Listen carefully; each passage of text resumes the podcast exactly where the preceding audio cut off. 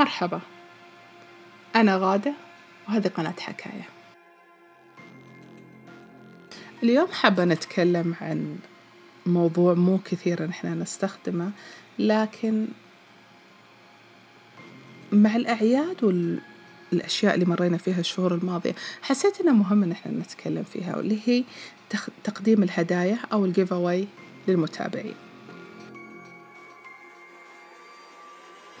أول شي حابين نعرف إيش هو ال giveaway هي أغراض أو منتجات عندي أبي أهديها لشخص عشوائي لكن ضمن شروط معينة. فكذا ما نعتبرها هدايا هذه ال giveaway الهدايا لا ممكن أنا أي عميل بعطيه هدية يعني whatever كان السبب فقط لمجرد إني أنا بهدية. طيب الشروط اللي إحنا نحطها على ال giveaway إيش ممكن تكون؟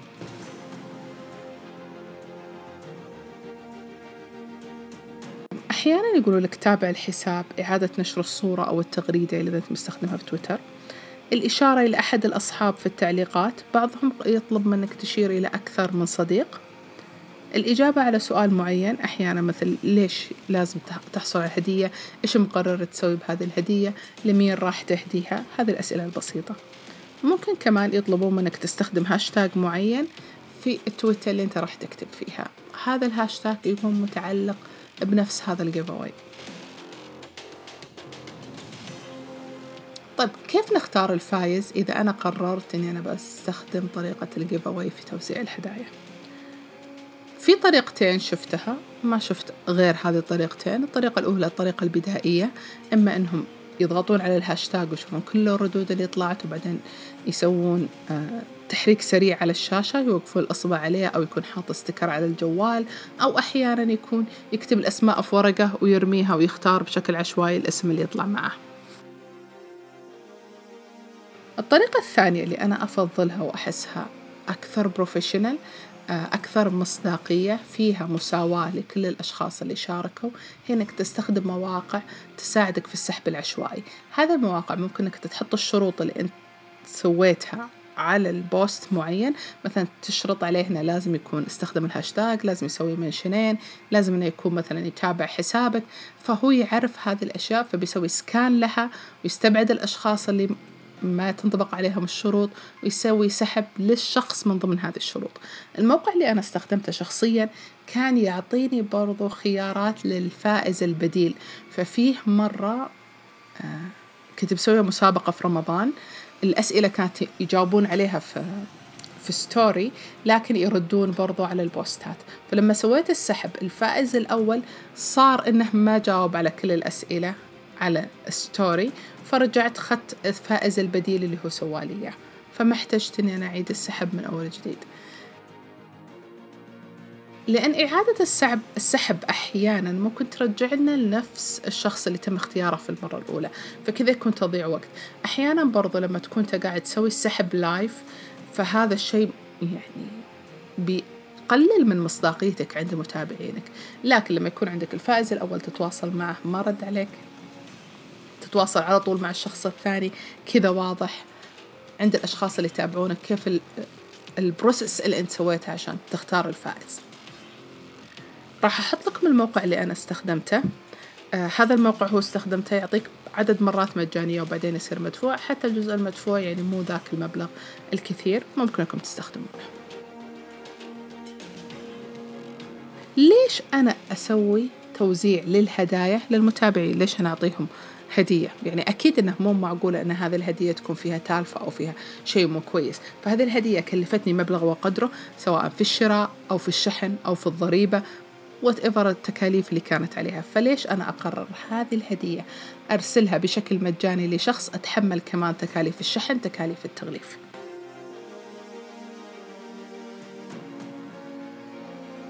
الأسباب اللي تدفع الأشخاص اللي يسوون هذه الحركة مختلفة ومتعددة.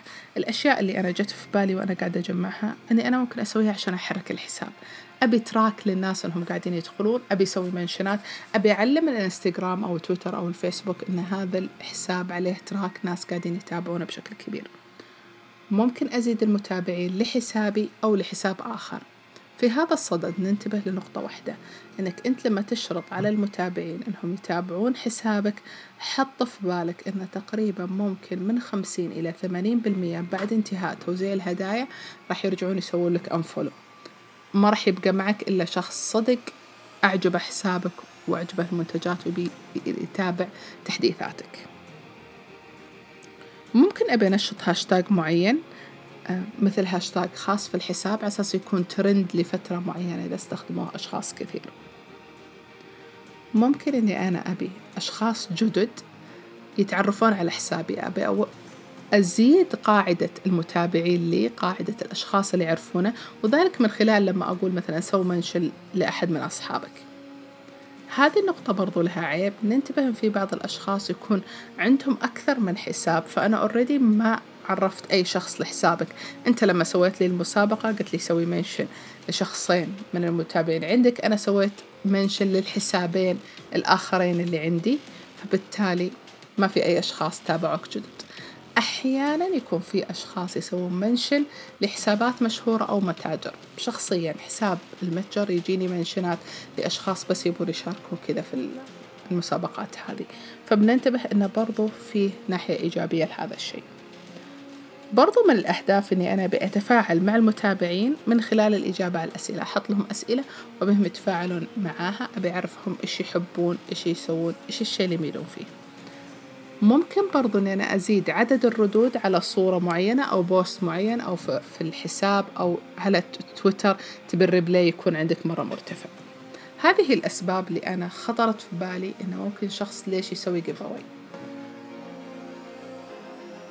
طب إيش المشاكل اللي ممكن تصير لك؟ إيش المشاكل اللي راح تصير لك لما أنت تسوي آه الجيف هذا؟ أحيانا مثل ما قلنا تكون الإشارة لحسابات وهمية أو حسابات مشاهير أو حسابات متاجر فبالتالي ما راح أستفيد منها.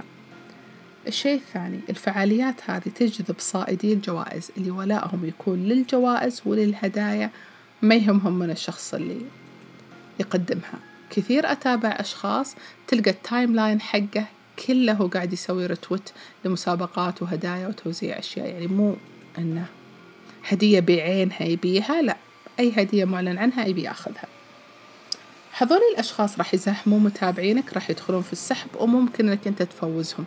ما تقدر تقول والله ما راح أفوزهم إذا السحب بشكل نظامي وعادل وطلع اسمهم فيها. عدد المتابعين مثل ما قلنا ممكن يتناقص بعد السحب لأن هذولي الزيادة كانت فقط من أجل الفوز بالهدية معينة. الجيف راح يحملك تكاليف إضافية. هذه التكاليف قيمة الهدية الشحن الاشتراك بموقع السحب آه للهدية. فمثل هذه الأشياء راح تاخذ منك وقت.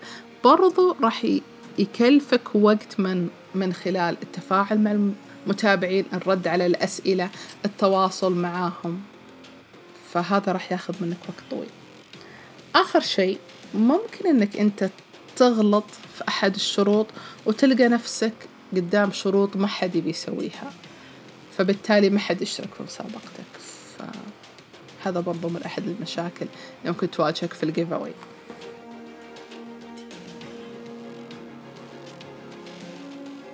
أتمنى تكون هذه الحلقة خفيفة قدرتوا تعرفون ليش إحنا نوزع هدايا أو ليش نستخدم ال giveaway إيش الأسباب إيش الشروط اللي إحنا ممكن نحطها.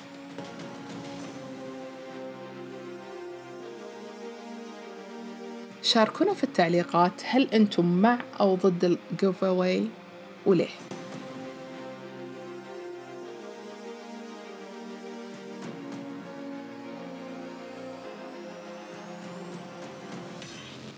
شاكرة لكم.